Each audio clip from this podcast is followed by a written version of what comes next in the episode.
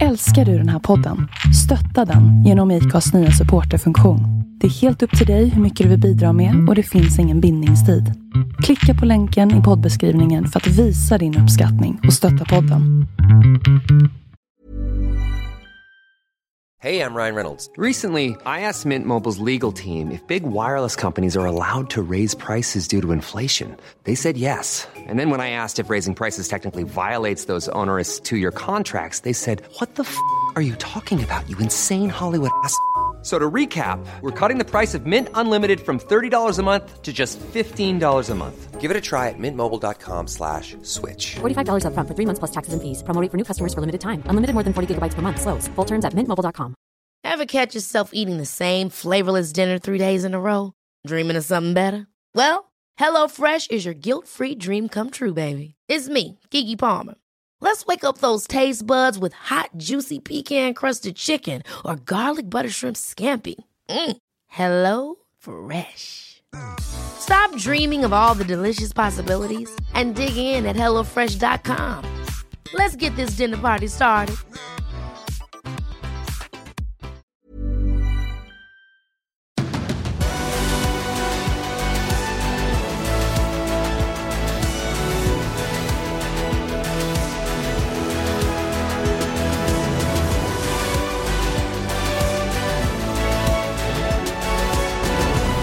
Hej och välkommen till MotoGP-podden. Den här gången eh, precis hemkomna ifrån USA. Jag, Tobias Lajon och eh, Andreas Mårtensson och eh, Andreas, vi har inte snackat så mycket på hemresan, men hur känns det?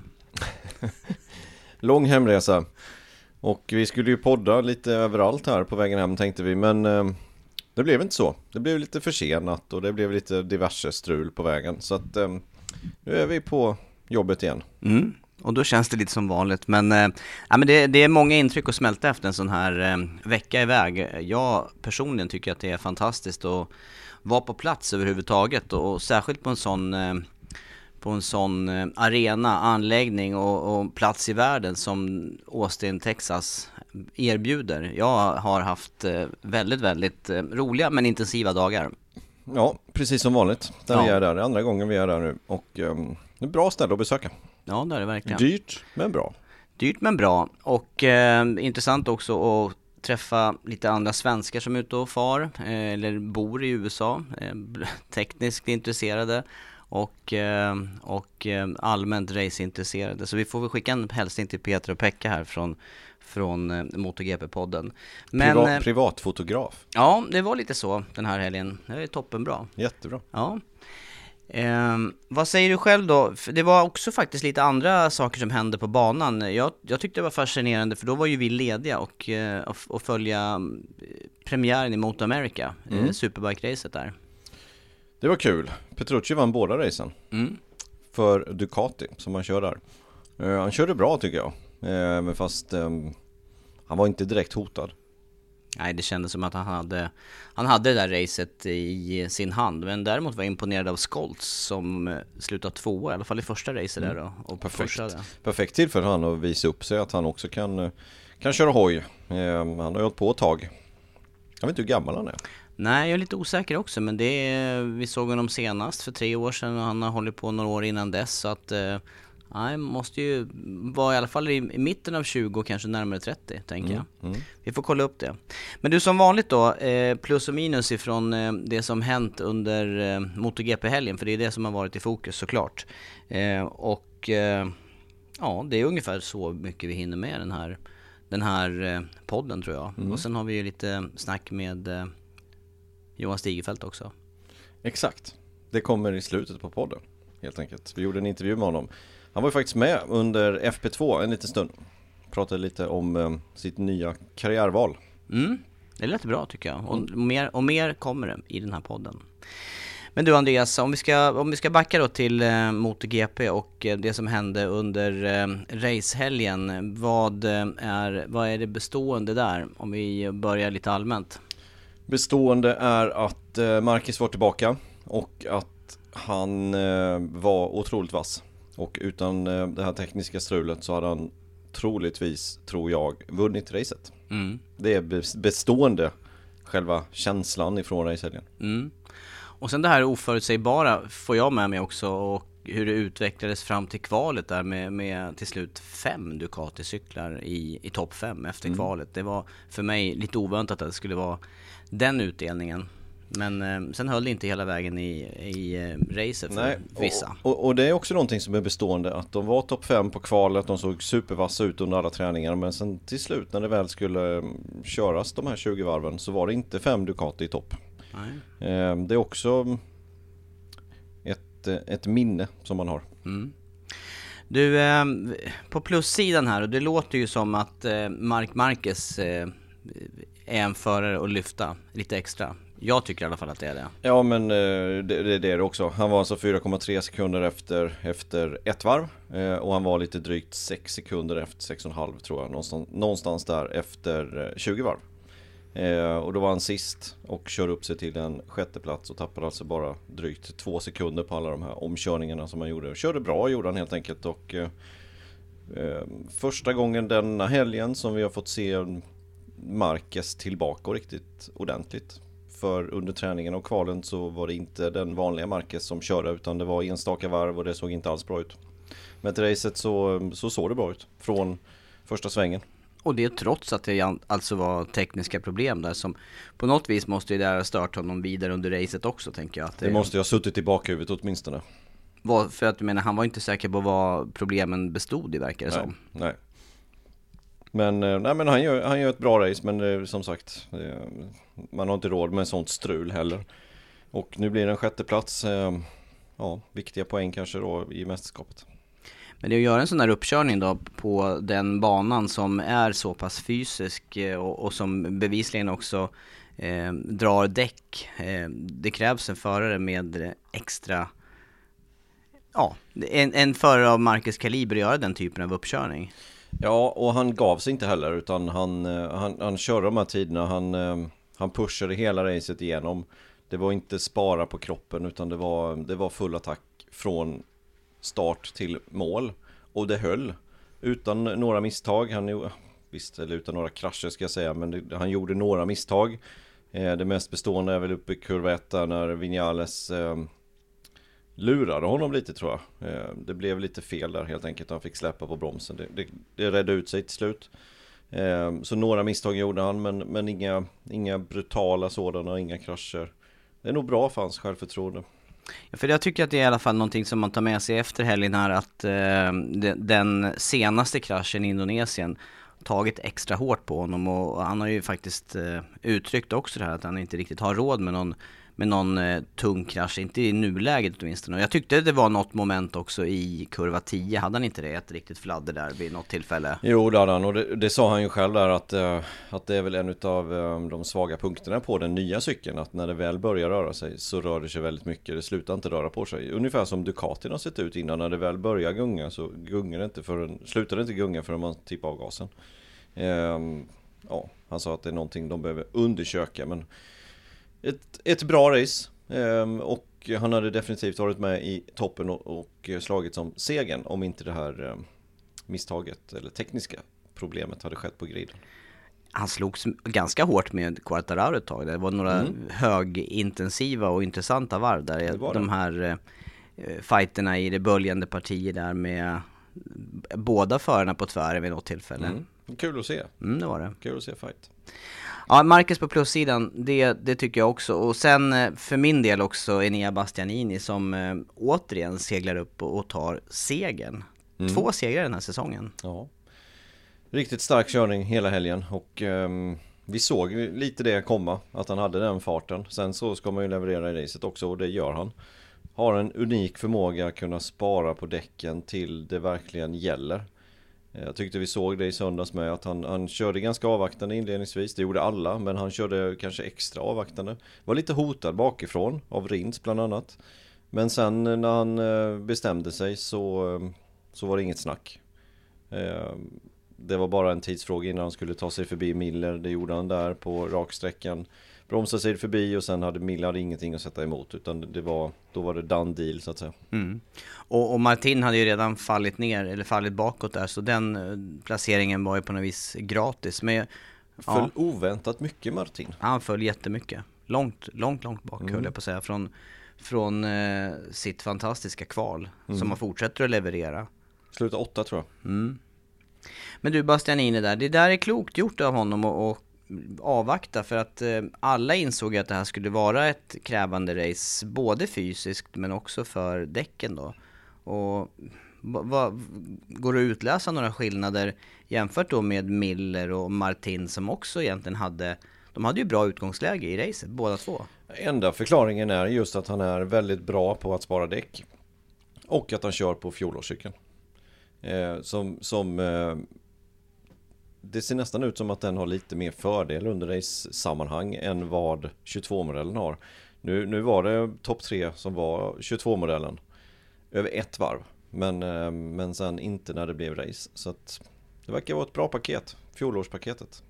Men vad kan man som förare göra då? Vad kan man påverka i sin egen körning där? Jag menar motorcykeln måste vara bra inställd såklart. Eh, och utprovad som den verkar vara. Men, men just i den egna körningen där under, under loppet. Jag tycker att han behöll lugnet. Han, han stressade inte upp i, i ledning från början utan han höll sig lite längre bak. Och som sagt var hotad till och med att bli omkörd av Rins bland annat. Eh, var där, sparade på däcken. Körde mer med framdäcket in i svängarna. Där tog han mycket tid och sen så accelererade han inte speciellt hårt ut i svängarna för att just spara på däcken till slutet. Och sen när han väl kände att nu är det dags att attackera. Då hade Miller kört slut på däcken och Martin var redan förbi. Och han hade mer däck kvar och sen var det inget snack. Nej. Unik Du- förmåga. Ja, faktiskt. Och, Det, och, och det enda som, om vi ser framåt för Bastianini, det enda han behöver förbättra det är ju, det är ju sin, eh, sin jämnhet. För den, eh, den är inte bra än så länge. Han, blev, han vann alltså i premiären och sen har han en elfte plats och en tionde plats efter det. Och så vann han nu igen. Så två segrar, en tionde och en elfte. Där måste han ju slipa till de två lite sämre resultaten. ja, han behöver hålla sig i topp 5 åtminstone. 5, Ja men 7. inte 10-11. Nej. Eh, Okej om man är sexa någon gång och sjua någon gång och, fyra någon gång. Men, men 10-11 då, då det måste man slipa till lite. Ehm, för att man ska kunna vara med till slut när det väl, när det väl gäller i mästerskapet. Ståsäker också, visar det sig. Ja, Han har inte gjort många misstag överhuvudtaget. höll ju på att förstöra hela helgen. Hans krasch i Q2 till exempel. Han kraschade faktiskt i Q2, reste upp det, tappade 10 sekunder och sen satte han sitt snabbaste varv på kvalet efter det. Mm, stämmer. Stämmer. Ja, nej, skickligt. Hamnar på plussidan. Mark Marquez och eh, Enea Bastianini. Ska vi varva nu med, no- med någon eh, minuspost också? Kör. Eh, KTM. Jag byter spår helt och hållet. Var var de någonstans? Var de i Austin? Nej, jag såg att du, du hajade till nu när jag sa det. Nej men vad händer egentligen? För att Nej, eh, där, fråga. det har ju varit toppresultat eh, från Binder och Oliveira och Oliveira såg vi inte till överhuvudtaget under helgen. Nej, Han var ju- han avrundade listan efter Ja. dag ett. Ja, Och Binder eh, var lite högre upp. Jag tror han kvalade 17 Men stora problem för KTM den där helgen. Oförklarligt. Vi måste, måste analysera varför de gick sån kräftgång den här helgen. Ja. Det, det, det känns som att det är, går, sådana resultat går inte att göra under, under de här jämna förhållanden som är annars mellan, mellan märkena. Eh, ja, jag, jag är förundrad där också men eh, det ligger väl lite i linje med det som vi har sett också från eh, testdelen på säsongen. Då var de ingenstans heller. Och sen har de blixtrat till lite fram och tillbaka här men De blixtrade till i Qatar i, eh, i torra förhållanden. Sen var det ett blött race ska vi komma ihåg i Indonesien. Eh, Där Oliveira vann. Men eh, de gjorde jättebra första racen men, men som sagt i helgen var de ingenstans. Det var inte Aprilia heller. Ska vi komma ihåg. nej, vi, kanske, som- vi kanske kan lyfta in dem på minussidan Jag också. tycker här. det. För, för de vann för en vecka sedan. Eh, Aleix Spargaro vann och Maverick Vinales blev, ja vad blev han till slut? Sjua. Ja, precis. Ehm, och nu var de 10 och 11 och Vinales var före Aleix Spargaro. Men ehm, de var alltså ganska långt ner. Ja, ja. Är, det, är det så att det inte riktigt har satt sig då, mästerskapet? Eller, eller styrkeförhållandena mellan fabrikaten? Nej, det, ingenting har satt sig än, känner jag i alla fall. Vi pratade just om Bastianini och, och kanske gav honom ett litet minus på just hans, hans jämnhet där med tionde, elfte plats och två segrar. Men, men det är nog för att säsongen inte riktigt har satt sig än. Och, och det ska bli intressant att se när vi nu kommer till Europa nästa helg. För nu är det 12 race på raken här nu på europeisk mark med banor som liknar varandra. Förhållanden som är lika varandra jämfört med Indonesien, Argentina, USA, eh, Qatar i mörkret. Så att eh, då kanske säsongen börjar sätta sig lite. Mm.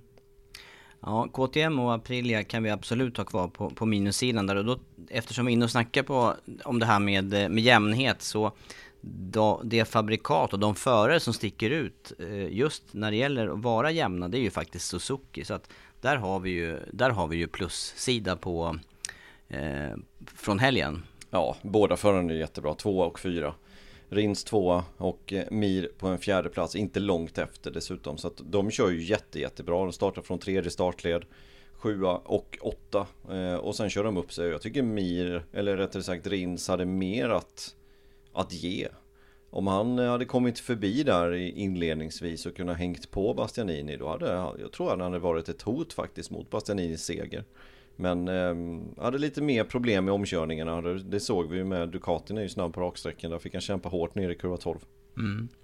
Eh, och eh, dessutom inga misstag då än så länge den här säsongen utav Rins som faktiskt är tvåa i sammandraget också. Han är fem poäng bakom mm. Bastianini. Trots att han då inte har de här absoluta toppresultaten, men det närmar sig. Två pallplatser. Mm. Mm. Och Mir då, han har inte klivit upp på pallen och ändå är han eh, på fjärde plats. Han ligger 10 poäng bakom Rins. Är det, speglar det den skillnaden i fart? Jag tycker det. Jag tycker det. Rins har varit före Mir tre gånger denna säsongen och eh, ehm, jag tycker Rins får ut den kapaciteten som vi såg att han hade under förra året. Som han då inte fick ut i och med att han eh, kastade sig i princip varje race.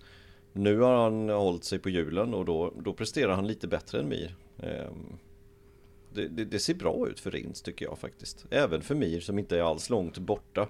Ehm, och det ska bli spännande att se hur deras styrkeförhållande är nu när vi kommer till Europa.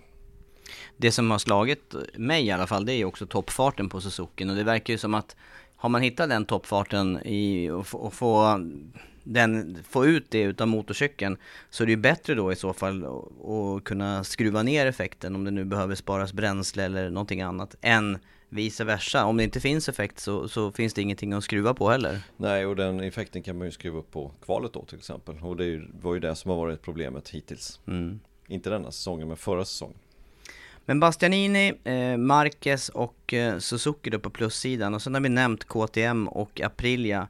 Eh, vad säger du sen då om Ducati-sidan där? Det var ju egentligen Bastianini som höll måttet hela racet. De övriga föll lite bakåt mm, generellt. De det. Miller hade ju ledningen i många varv men föll också tillbaka Precis som vi brukar se med Miller tyvärr Att han kör slut på däcken. Han har inte mer att ge i slutet. Eh, blir omkörd av Rins då i näst sista svängen men också Banjaya som startade i första startled. Eh, fick ett lyft till racet i Argentina när han slutade på en femte plats efter start från 14 eller något liknande. Eh, man trodde att nu är han på gång här med start i första startled och så dalar han ändå i det här racet och, och slutar femma. Och eh, något varv till där så hade både Marquez och Quattararo även varit ikapp Banjaya. Ehm, så att ja, lite minus för Banjaya tycker jag än så länge som, eh, som ska vara en mästerskapskandidat och som var på pallen i, i Austin förra året. Banjaya ligger 12 i sammandraget, 23 poäng har han kört in. Miller har kört in 31, ligger 7 Ja, det är högst, högst blandade resultat på de två fabriksförarna. Hur många poäng sa du Banjaya? 23. Vad har Marquez? 21? Eh, Marquez har, då måste jag faktiskt kika här i, ja 21. Två poäng efter. Mm. Ja, nej, Banjaya behöver step upp när vi kommer till, eh, till Portimao. Där vann han andra racet va, förra året?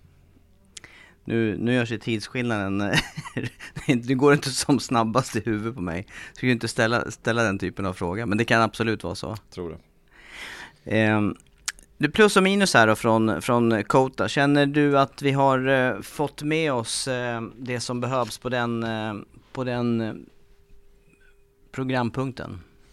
Jag tycker det. Ehm, visst är det avsnitt 142? Ja. Och vi har inte snackat om 42. Nej, men det är ju rins. Vi har ju pratat mycket rins. Mm. Så vi pratar mer rins. Ja, då gör vi det. Vad har du att säga om Alex Rins? Um, vi tar och eh, eh, snackar startnummer 42 då. MotoGP-podden nummer 142. Vi får alltså, vi får steppa upp här och försöka försöka krama ut lite grann om eh, Alex Rins. Nej men eh, det, det, passar ju jättebra. Vi har ju ha, haft lite tur med startnummer här eh, kopplat till eh, veckor och eh, poddnummer de senaste tiden. Eh, men, men just Rins, eh, vi såg farten som han hade under fjolåret som du var inne på. Eh, däremot så var ju fjolåret ett år som eh, den här negativa spiralen bara förstärktes med krascher och med eh, den här olyckan i Barcelona. Eh, och jag tycker att det är superstarkt av honom att komma tillbaka så stark som han är just nu och inleda säsongen på det sätt han gör. Mm. För han, han håller inte igen. Det är inte så att han, han, han kör inte på säkerhet nu under säsongsinledningen här. Nej, det gör han inte. Han laddar eh, det som går men håller sig på hjulen. Det är skillnaden mot eh, förra säsongen. Ska vi ta lite statistik först då? Han kom ju från eh, spanska mästerskapen. Två säsonger blev det där. 2010-2011. Trea första året, sen seger i andra året. Sen upp till eh, Moto 3-klassen i GP-sammanhang. De tre säsongerna han körde där, femma, tvåa och trea. Och sen upp till Moto 2 där han blev tvåa och trea de två säsongerna. Och sen är det ju MotoGP då där han har en eh, tredje plats som bäst i sammandraget. Det blev han ju 2020 när hans eh, teamkamrat Mir vann mästerskapet. Så att han har varit i toppen i de serier han har, han har kört. Han har ju det. Och, och, det är bara att titta på, um, det är bara att titta tillbaka på den här racehelgen då, Circuit of the Americas. Det är ju en bana som han har vunnit faktiskt i alla klasser och det är inte många förare som har den statistiken och inte heller matcha det som du nyss eh, pratade om här när det gäller hans mästerskapsplaceringar. Nej, det, det är bra. Det är den absoluta segern som, som saknas, det absoluta toppresultatet. Eh, förutom i det spanska mästerskapet då där han blev mästare. Men eh, i övrigt som sagt några andra platser, några tredje platser i mästerskapet. Så att vi får se vad han är ut i år. Jag tror att det kan gå bra för Rins i år faktiskt. Något som jag gillar med honom det är att han eh, är en, det känns som en, en schysst racer. Ja, det är sällan man ser några konstigheter från hans sida. Jag läste någonting från Miller idag. Berätta. På flyget hem där. Nej men han, han hörde att det var någon som var bakom där i slutet på racet i, i Austin nu och till slut så, så såg han att det var Alex Rins och då, då då tyckte han att det var bra att det var den Suzukin för då blir det en, en, en kamp på lika villkor. För han och Mir, Miller och Mir, de har ju haft sina duster genom åren och senast kanske i, i Austin också. Där de var ihop flera gånger. Men där vet inte jag om jag håller med. För att jag vet inte, tycker, tycker du att Mir är en förare som sticker Nej. ut när det gäller när det gäller att köra fult. Nej, men han och just Miller har ju haft både i Qatar för någon säsong, alltså förra året och sen så var det här i, i, i Austin och sen har de väl haft lite andra duster här eh, genom åren så att det är väl mer att det är just de två. Nej, men jag, jag, tycker att, jag tycker just Rins i alla fall eh, sticker ut på det sättet att det är väldigt sällan några eh, klagomål eller att han gör några konstigheter. Däremot så, så pushar han sig själv lite för mycket under fjolåret där. Mm. Men, men å andra sidan, det där har vi ju sagt många gånger, det är ju det är en sak att, att krascha och en annan sak att lära sig köra fort. Han, han kan ju köra fort och mm. nu, har han, nu har han låtit bli att krascha här helt enkelt. Då går det bra också. Då går det bra ja. Mm. Eh, vad har han för eh, framtid framför sig då? En bra säsong här, då har han ju ingen anledning att, var, varken han själv eller Suzuki har någon anledning att, att tänka något annat än, än att fortsätta tillsammans. Nej, eh, precis så är det. Eh, frågan är vad som händer med Quattararo. Eh, och om, han, om Quattararo då har ett erbjudande från Suzuki. Jag är inte så säker på att det är på det sättet. Men om det är så då måste ju antingen Mir eller, eller Rins flytta på sig. Flyttar de då på Mir som är ehm, trots allt världs, världsmästare bara för två säsonger sedan. Ja, det kanske är Rins då som får ge upp sin plats men mitt tips är ändå att, ehm, att Rins och Mir för den delen kommer bli kvar i Suzuki ytterligare en kontraktsperiod. Jag tycker det låter bra för att tittar man på mästerskapet nu så har de inlett på det sättet man kan förvänta sig och de har ju också, tittar man på Mirs, eh, Mirs VM-titel så, så, var ju den också grundad i de här jämna resultaten. Så de är ju, de gör ju rätt, någonting rätt gör de. Mm. Och nu har de dessutom en teamchef den här säsongen också. Ja, till och med det. Till och med, till och med det. det. Ja, nej men jag, jag, ser egentligen att samtliga förare, om vi ska gå in på lite silly season egentligen, att, att de blir kvar där de är. Jag tror även Quattararo till slut kommer bli kvar hos Yamaha. Eh, och att Suzuki-förarna blir kvar och även att Honda-förarna kommer bli kvar. Alltså Paul Esparger och Mark Marquez har ju redan kontrakt. Men ja, vi får ju se. Det kanske blir något eh, spektakulärt byte där. Mm. Quattararo mot eh, Miller kanske de byter plats eller Quattararo mot eh, Rins eller Mir eller Ja, nej, det, men, det, men som sagt jag tror inte det. Jag tror det är låg eh, chans för det.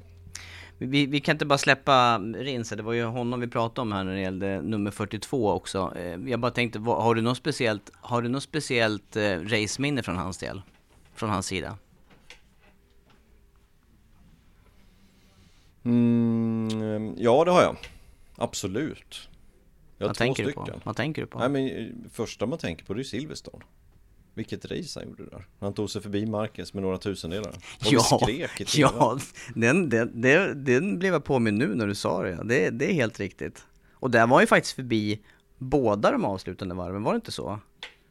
Eller testade han Jo, bara? jo, nej han var förbi sista, men då var han utanför banan och var en tusendel före. Ja, ja. Men där, där var han ändå utanför banan. Men, eh, men det, är, det är kanske det, det mest, eller det starkaste minnet. Mm. Tror jag. Men även segern och eh, restaurangbesöket i Austin förra gången. Ja, och där blev han ju, eh, där eh, blev ju han den första föraren att slå Mark Marquez på den här banan. Mm. Marcus gick omkull. Ja, ska vi tillägga. Men det handlar ju om att stå på de svarta Mm. hela vägen. Och så var det rätt hård fight med Rossi just i det racet. Ja det var det. det, var det. Så Hård det- fight med Rossi och sen så blev det som sagt ett restaurangbesök för hela Suzuki-teamet där vi redan var. Mm, Och det blev livat värre. det blev verkligen livat. Det var skoj. Skoj att få uppleva på nära håll. Plus och minus, startnummer 42. Och eh, dessutom eh, bara, så vi snackar lite Motor America, men det pågick också i helgen, om vi nu tittar då på det aktuella läget här i, eh, i motorsport i allmänhet, så var det World Superbike på eh, Aragon. Det går ju att nämna det, för det var ju faktiskt eh, premiär där.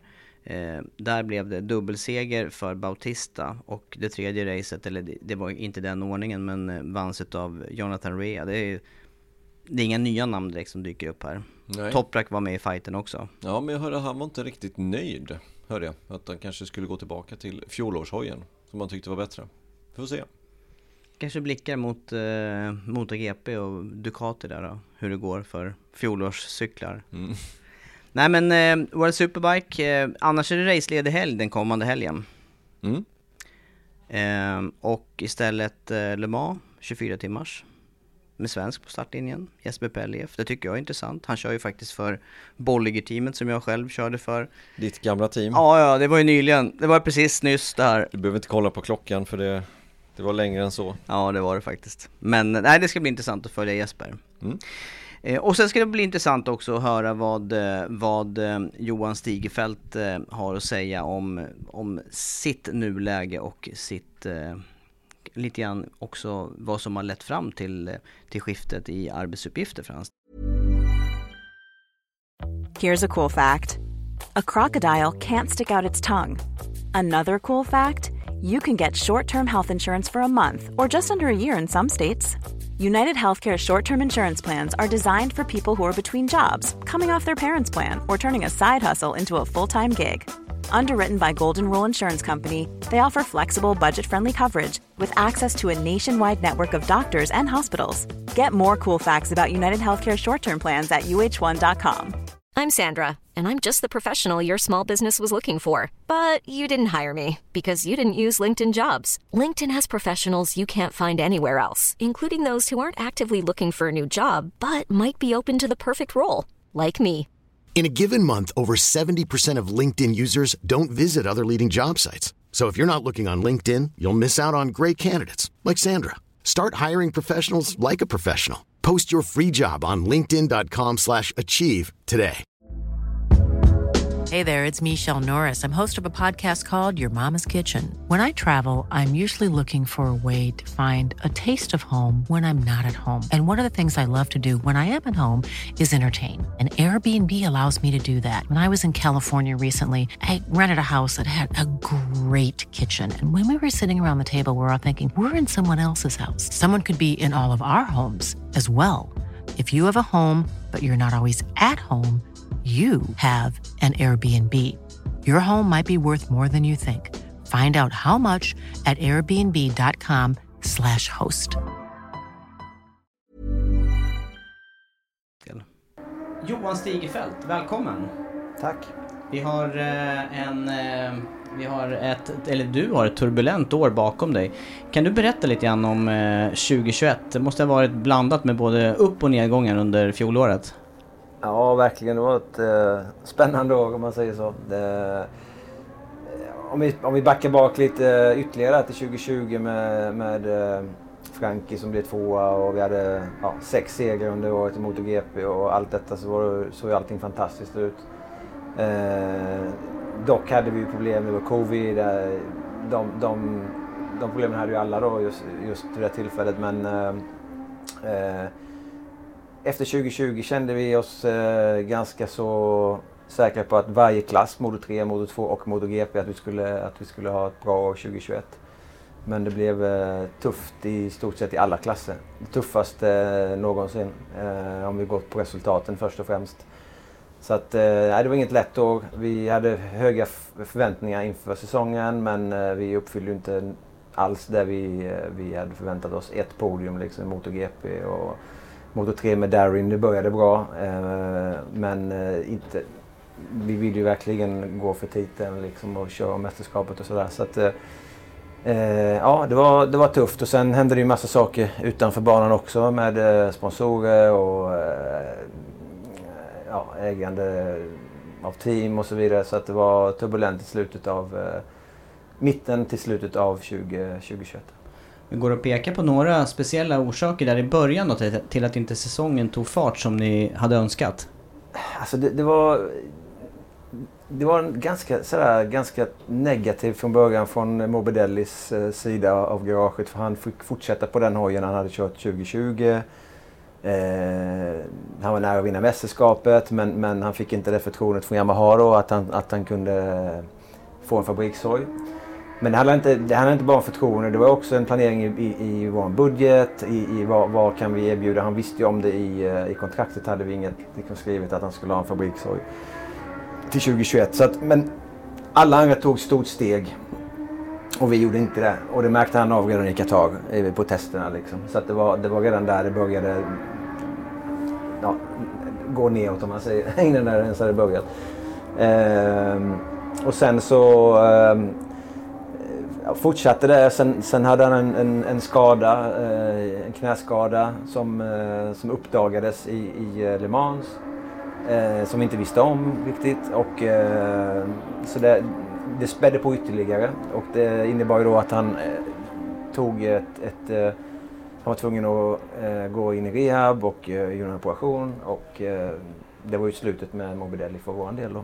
Eh, så det var, det var väldigt tråkigt att det slutade på det viset med honom när vi hade haft så stora förväntningar och vi hade två bra år bakom oss med honom. Eh, men på den positiva sidan var ju att Valentino hade kommit in i teamet och vi fick jobba med honom. Eh, likadant där, det var tufft då för, för Valle liksom att, att göra någonting. Det var, alla hade tagit ett steg, Yamaha hade inte gjort, eh, eh kanske för hans del då, det han ville att hojen skulle göra. Det funkade för, för Quattararo men det funkade inte för Rossi. Eh, och eh,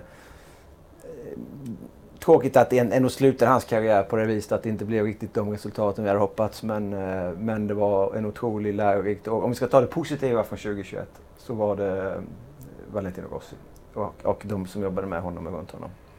Hur var han att jobba med och runt omkring?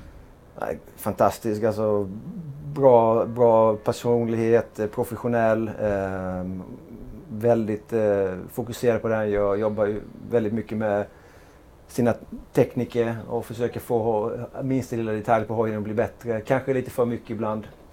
Men det är så han jobbar. Men eh, framförallt att vara nära honom och eh, se hur proffsig han är. Och han är ju ändå en superstjärna. Och, eh, så det var, det var kul att ha honom och fick se en annan sida av honom än den man ser på tv eller media. Och i de lägre klasserna då, vad, vad var det som inte stämde där? Alltså, Motor 2 var ju alltid vår akilleshäl lite. Vi, vi lyckades aldrig riktigt i Motor 2. Eh, vi fick inte till de resultaten vi ville och en väldigt tuff klass, det vet vi. Men, men eh, fick inte det. Vi trodde ju med Vesche att det skulle bli ett, ett bättre år. Eh, med Dixon hade vi hoppats, men han kom ju från en, en skada 2020 i Valencia och han fick inget bra... Det var, det var tufft för honom att komma tillbaka. Vi bytte crew chief under året. Vi hade många... Alltså allt verkar... All skit kom samma, samma år och samtidigt. Så att, eh, det, var, det var motor 2, motor 3.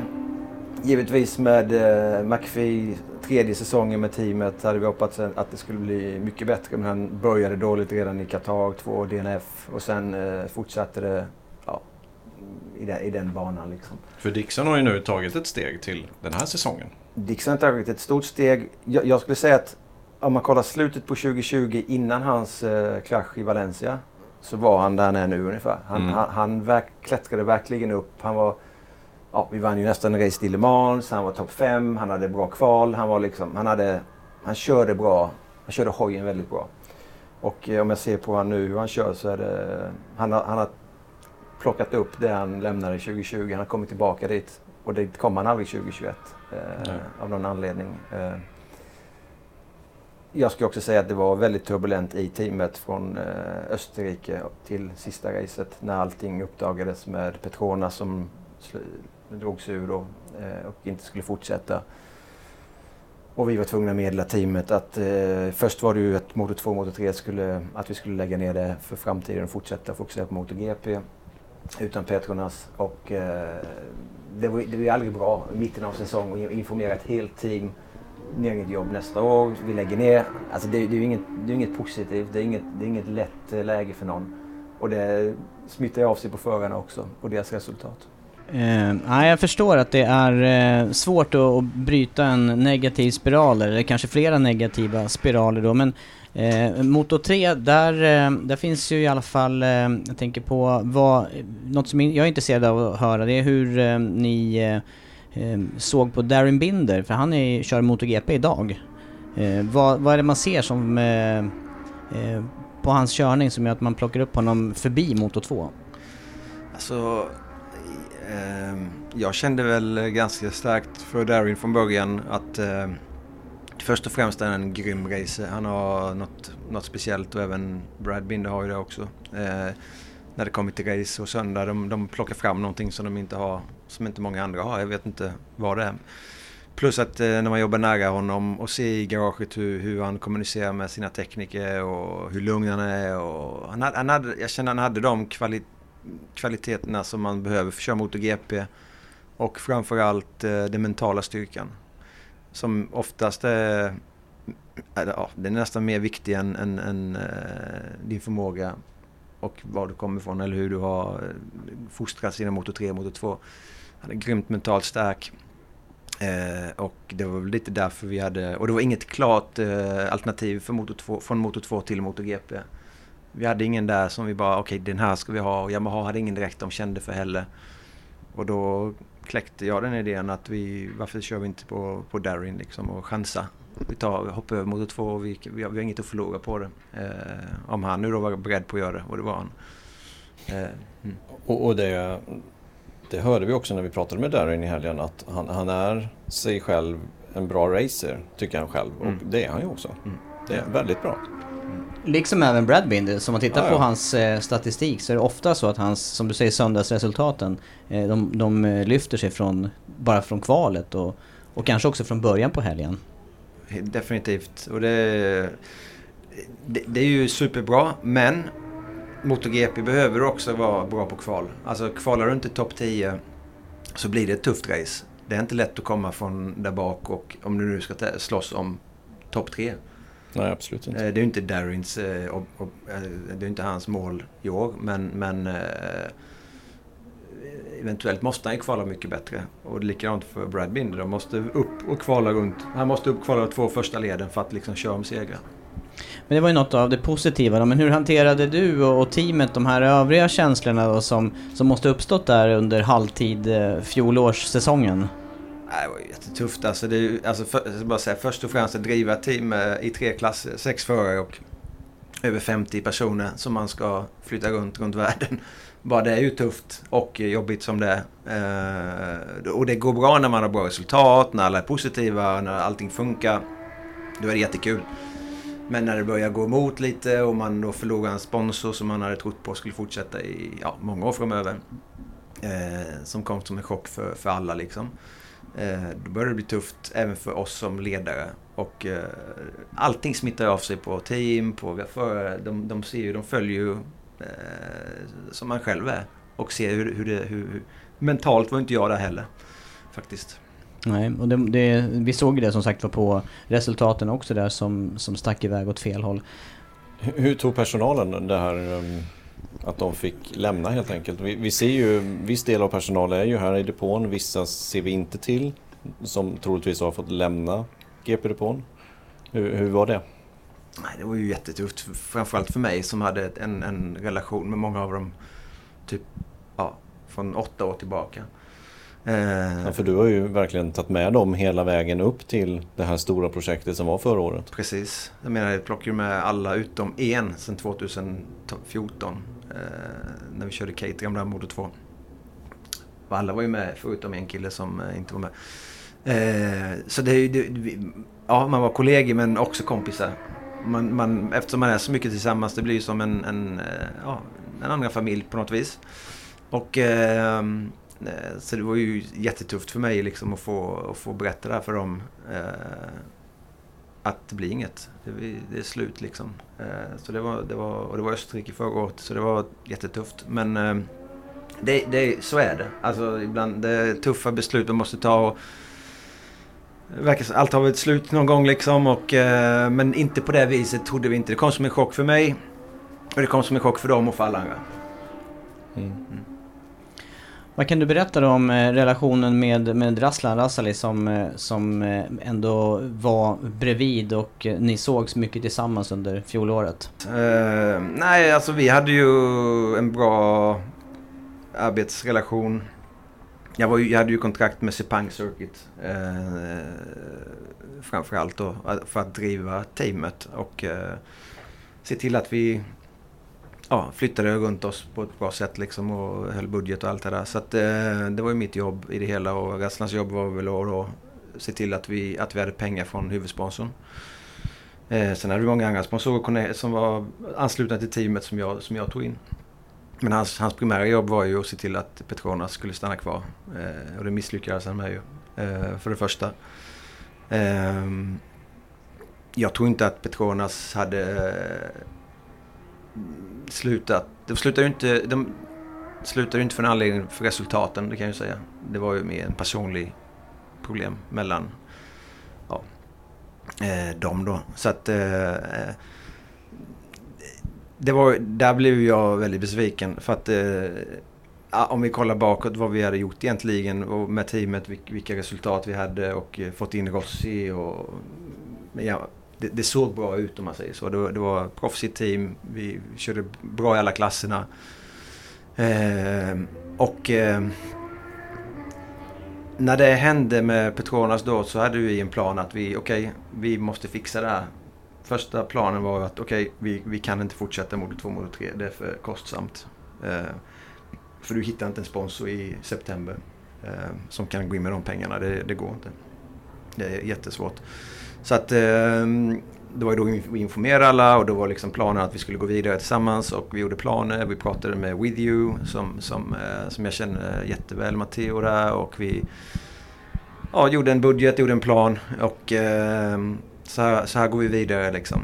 Eh, och det var, det var planen tills, eh, till Aragon skulle jag säga. Det var, det var våran plan och eh, sen är plötsligt så från en dag till den andra så, så, så fick jag känslan då att eh, jag inte är med i hans plan längre utan att eh, han hade ett sido, sidoprojekt.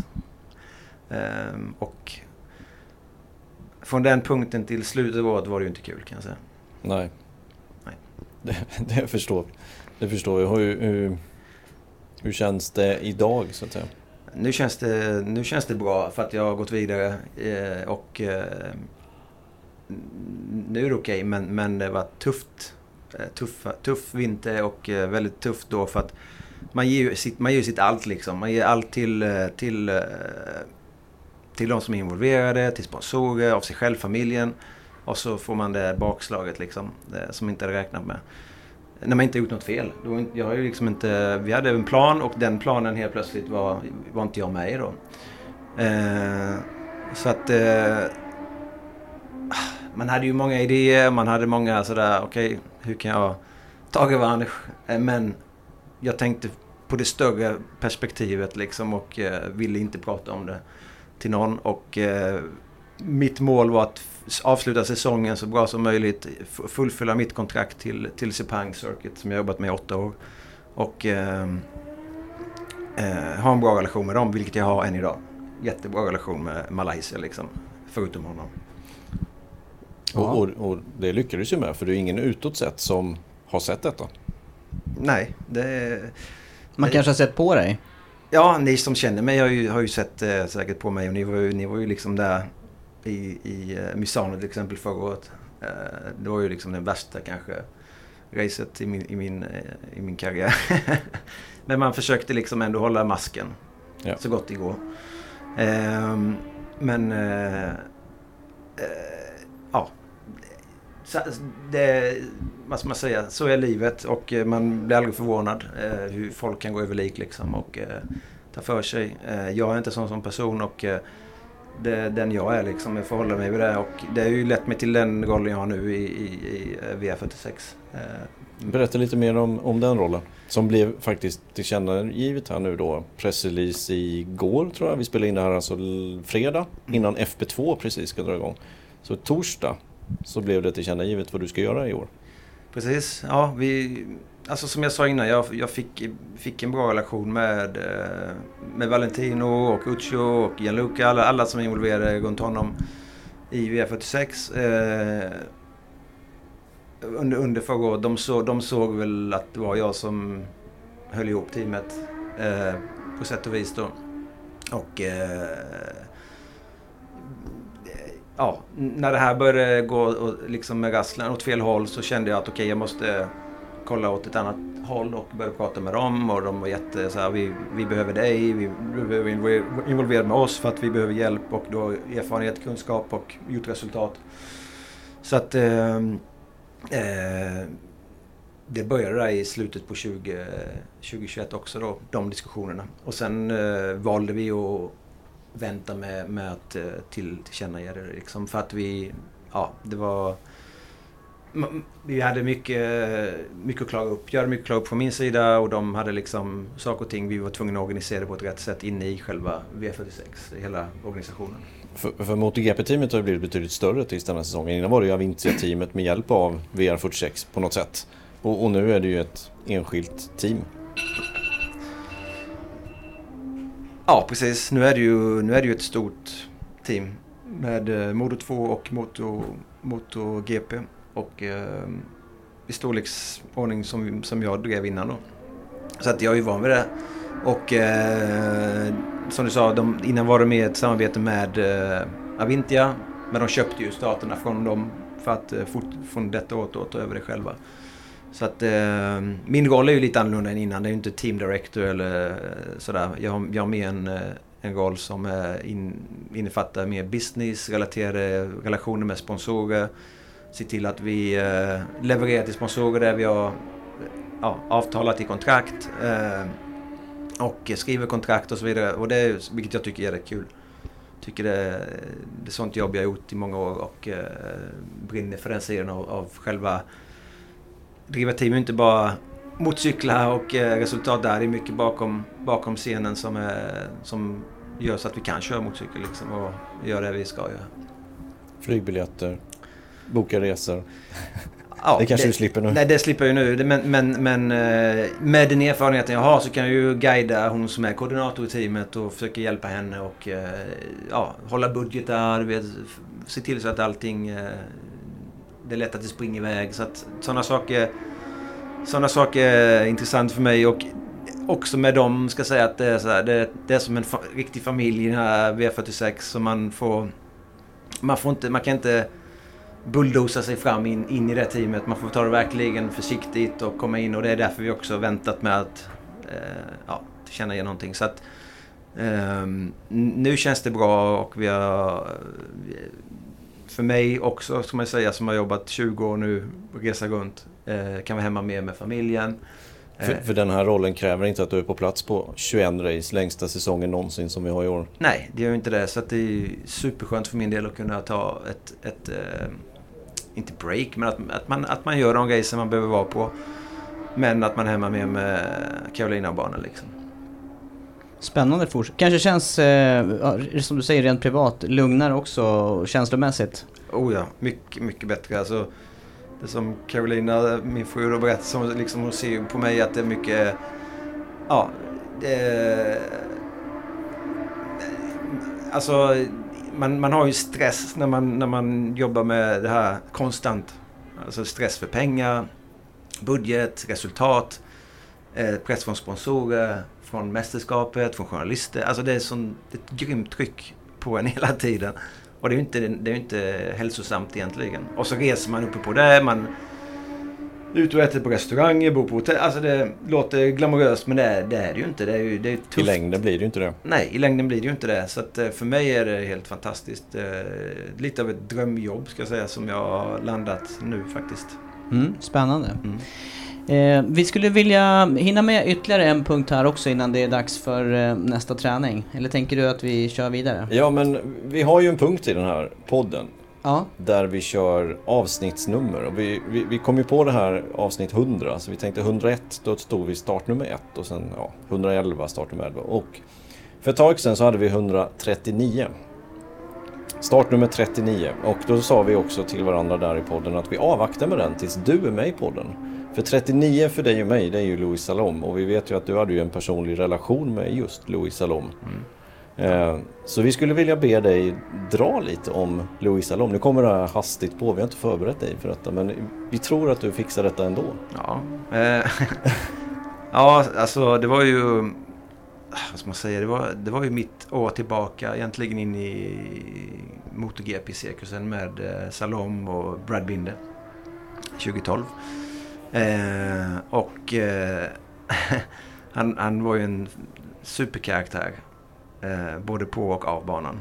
Han var eh, ja, väldigt latino i, i, sitt sätt att vara och ni träffade honom. Ja. Eh, och ehm, han gav ju en sån grym energi att jobba med. Och eh, han, han levererade på banan och även utanför. Och eh, ja, det finns många stories där som kanske inte ska ta i podden. Men, men eh, en karaktär och en, en eh, kille som jag aldrig kommer glömma. Alltid liksom glad, emotionell samtidigt. Eh, han reste runt med sin mamma då, Maria. Och de hade ju en jättebra relation. Och, eh, ja, kul, kul att, att, vara med och se. Och, eh, där, det var egentligen 2012 var ju hans år där han slog igenom på riktigt. Eh, för sen gick han ju till Aki 2013 och så körde han liksom, Vi körde ju mästerskapet 2012 också, vi blev tvåa. Och sen var jag verkligen med och slogs 2013 med... Eh, han, han, var egentligen vinnaren för mig. Han skulle egentligen ha vunnit mästerskapet tycker jag. Men... Och han fightades med Vinales och han fightades med Rins om mästerskapet. Precis. Det är tunga namn. Tunga namn och... Eh, ja. Så att, eh, ja 39 kommer ju alltid vara mitt hjärta eh, nära. Så att eh, han, han, han gav en speciell förare som... Ja, så, ingen som jag jobbat med som är i närheten av honom i sitt sätt att vara. Och sen tog han ju steget upp till Moto 2 några säsonger. Precis. Moto 2 med Pons var först och sen eh, med Stoppen går där.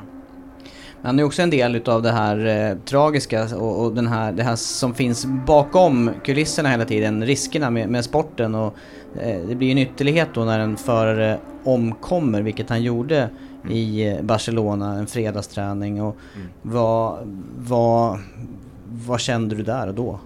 ah, det var chock, alltså sån superchock och svårt, svår, väldigt svår, tung tid liksom. Och hans begravning i, på Mallorca i katedralen var helt... Ja, det var jobbigt, superjobbig tid. Eh, och som du säger, en, en, helt vanlig fredagsträning. Krascha. En, en normal krasch. Men så, ja, olyckligt. Eh, och eh, Tyvärr är det ju sånt som kan hända. Uh, och, uh, men man trodde, jag trodde aldrig att det skulle hända honom. All, aldrig. minst jag kunde ana. För han var en sån där survivor liksom. Det var, det var så jag kände om Stallone. Han, han kunde gå igenom allt, klara allt. Ska vi prata lite mer positiva saker? Mm. Det är positiva också minnena från Salom. Men jag tänkte den här säsongen som har inletts på ett sånt briljant sätt. Nio olika mm, pallplats. För, nio olika förare på pallplats eh, på tre race. Ja. Jämnare än någonsin. Vad, vad tror du om den här säsongen? Hur, hur, eh, kommer den utveckla sig? Ja, det är svårt att säga. Ja, vi har ju inte ett rätt i våran tippning. Vi har knappt Nej. en på pallen ens. Nej. Det går inte. Ja, På ett sätt är jag glad att vi inte är med. alltså vi- är med alltså, men, men att man har någon som är med där uppe liksom och eh, slåss om de, om de tre första platserna. För det är ju inte, V46 är ju inte det än. De är ny, ett nytt team och vi kommer inte vara ändå liksom. Eh, men eh, pff, jag kan också säga så här att jag tycker att det är ingen, det är ingen, eh, det är inget märke som står ut. Alla är väldigt lika. Ja. Alla har sina problem ser det ut som. Honda har sina problem och Yamaha har verkligen problem och Ducati har sitt problem med den nya hojen och Aprilia var bra men jag tror inte de kommer vara med vända race där uppe som de gjorde i Argentina. Så att det, är- det är jättesvårt att säga. Men det, det är ju kul för, för mästerskapet. Men jag tycker vi ser det också här under helgen Andreas. Eh, förare då som inte har lyckats så väl i början på säsongen här. Jag tänker på till exempel Banjaya. Eh, till viss del eh, Quartararo och Mir också som, som vill mer. Att det, det sätter sig fort på huvudet på dem. Jag är ju jättefort i huvudet. Du det sa innan, det var, alltså, den mentala styrkan är viktig i, i, eh, i MotoGP men även i eh, de mindre klasserna. Det är jätteviktigt att man har, att man har allting komplett. Men då är det också viktigt det här teamarbetet runt omkring och det är ju någonting som jag tänkte på under eh, de år eh, vi träffades och eh, där du ledde team att det var ofta väldigt ja, den här familjära stämningen eller på något vis att man, man hade några relationer med varandra inom teamet. Det kan ju vara viktigt i längden tänker jag. Superviktigt. Alltså det, det var ju min, mitt viktigaste jobb. Att, det var att, att alla hade, kände sig, alltså, inte, jag ska inte säga bekväma, men att alla hade en slags trygghet i, i ledarskapet. Och det som jag säger, när man, jag tror det smittar av sig, hur man är som ledare smittar av sig neråt i, i, i leden liksom. Och eh, eh, framförallt på förarna. Så det är jätteviktigt att ha en bra teamharmoni i, i gruppen.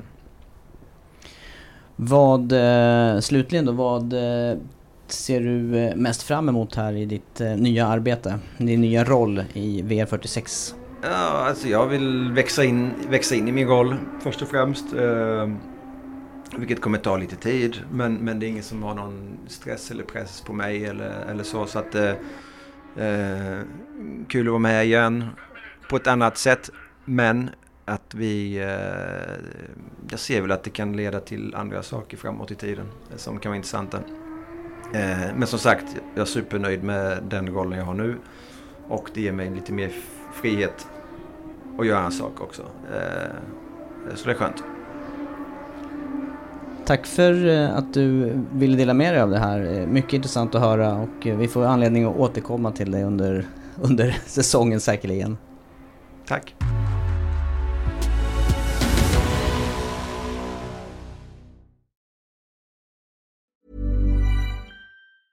Planning for your next trip? Elevate your travel style with Quince. Quince has all the jet setting essentials you'll want for your next getaway, like European linen, premium luggage options, buttery soft Italian leather bags, and so much more. And is all priced at 50 to 80% less than similar brands. Plus, Quince only works with factories that use safe and ethical manufacturing practices. Pack your bags with high-quality essentials you'll be wearing for vacations to come with Quince. Go to quince.com slash pack for free shipping and 365-day returns. Hold up. What was that? Boring. No flavor. That was as bad as those leftovers you ate all week. Kiki Palmer here, and it's time to say hello to something fresh and guilt-free. Hello Fresh. Jazz up dinner with pecan-crusted chicken or garlic butter shrimp scampi. Now that's music to my mouth. Hello Fresh. Let's get this dinner party started. Discover all the delicious possibilities at hellofresh.com.